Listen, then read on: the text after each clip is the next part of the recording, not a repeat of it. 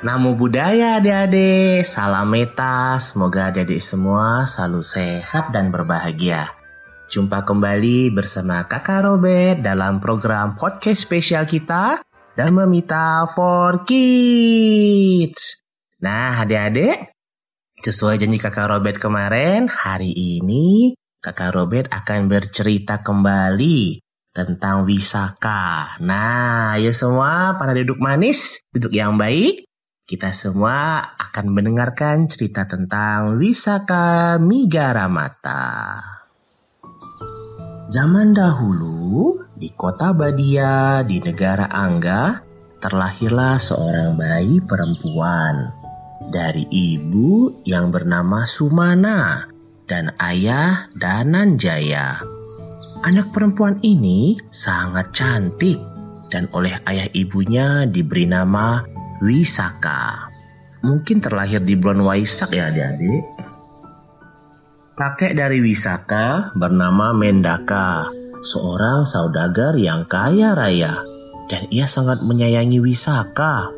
Wisaka memiliki karakter yang santun dan cerdas. Ketika Buddha mengunjungi desa mereka, kakek Mendaka meminta Wisaka untuk menyambut Buddha dan ia duduk ikut mendengarkan dhamma yang diajarkan oleh Buddha meski baru berusia tujuh tahun, Wisaka cepat mengerti apa yang diajarkan oleh Buddha dan mencapai tingkat kesucian pertama yaitu menjadi sotapanya. Nah, mirip ya dengan cerita tentang Sopaka yang waktu dulu.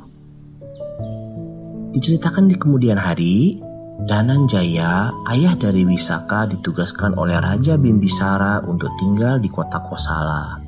Wisaka ikut serta untuk menemani orang tuanya dan tinggal di kota Saketa. Sementara itu, di kota Sawati, saudagar kaya yang bernama Migara mengutus beberapa orang untuk mencari pasangan hidup untuk anak laki-lakinya yang bernama Panyawadana.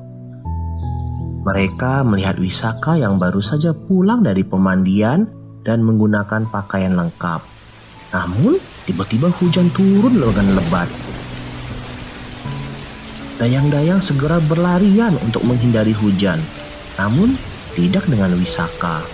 Ia tetap berjalan dengan anggun di tengah hujan yang mengguyur. Utusan dari saudagar Nigara ini takjub melihat Wisaka dan kemudian bertanya, Mengapa engkau tidak berlari ketika hujan turun seperti yang dilakukan dayang-dayangmu? Tapi engkau justru berjalan dengan perlahan sehingga seluruh pakaian dan tubuhmu basah oleh air hujan. Tanya utusan dari saudagar negara tersebut. Bisakah menjelaskan bahwa berlari di tengah hujan adalah berbahaya karena ia bisa saja terjatuh dan terluka.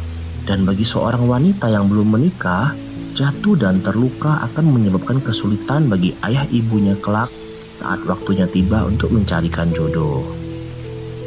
Dan Wisaka menjelaskan, tidaklah anggun bagi seorang raja atau gajah kerajaan atau para pertapa atau para wanita untuk berlari.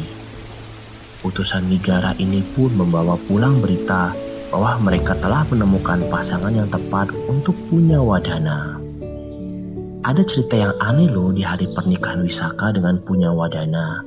Ayah Wisaka menghadiahkan beberapa ekor sapi kepada Wisaka dan setelah melepaskan beberapa ekor, gerbang kandang pun ditutup. Tapi keanehan terjadi.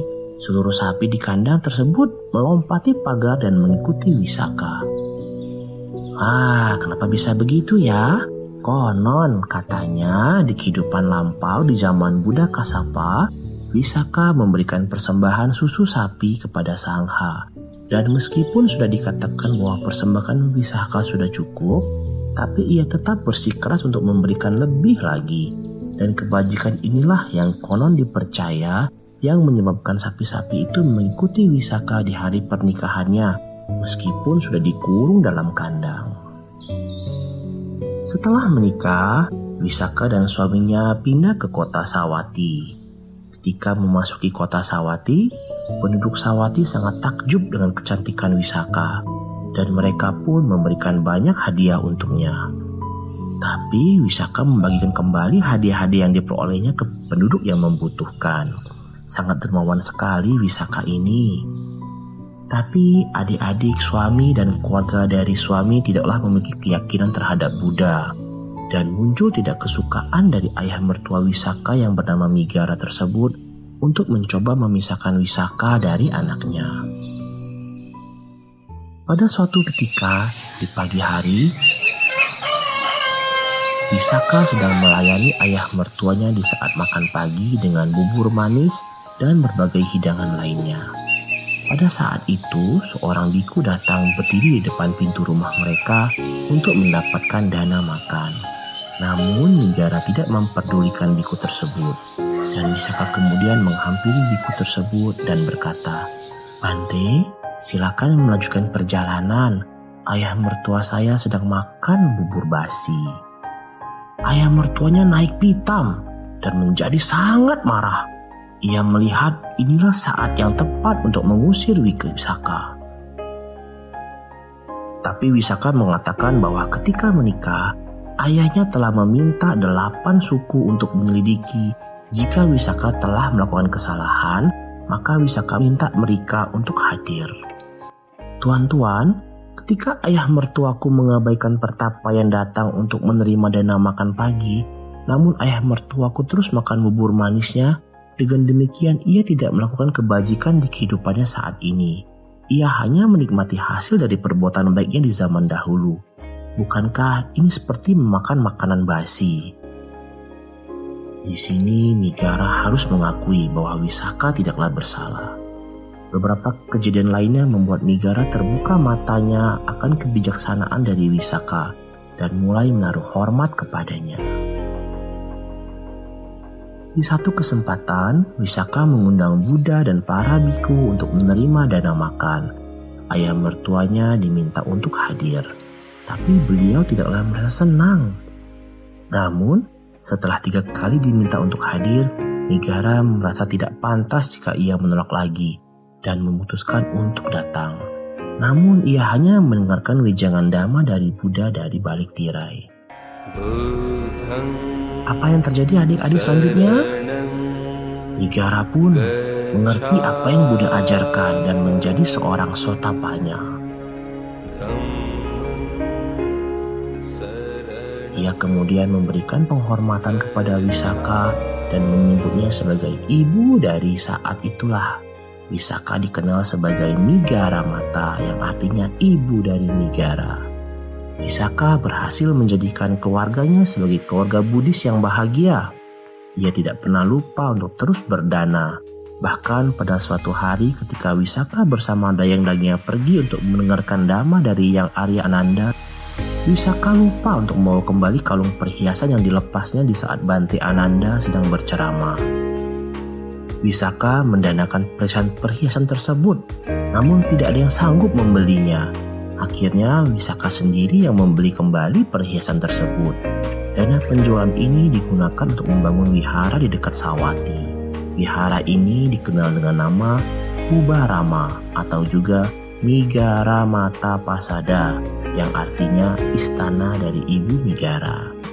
Ketika ia berhasil membangun wihara Pubarama, ia bernyanyi-nyanyi dan menari mengelilingi wihara karena kegembiraan yang luar biasa telah memenuhi jiwanya. Di wihara inilah Buddha kerap tinggal jika beliau berada di Sawati, selain di wihara Jitawana yang dibangun oleh Anatta Pindika. Oleh Buddha, Wisaka dianugerahi dengan sebutan Upasika Utama yang terkenal karena kemurahan hatinya.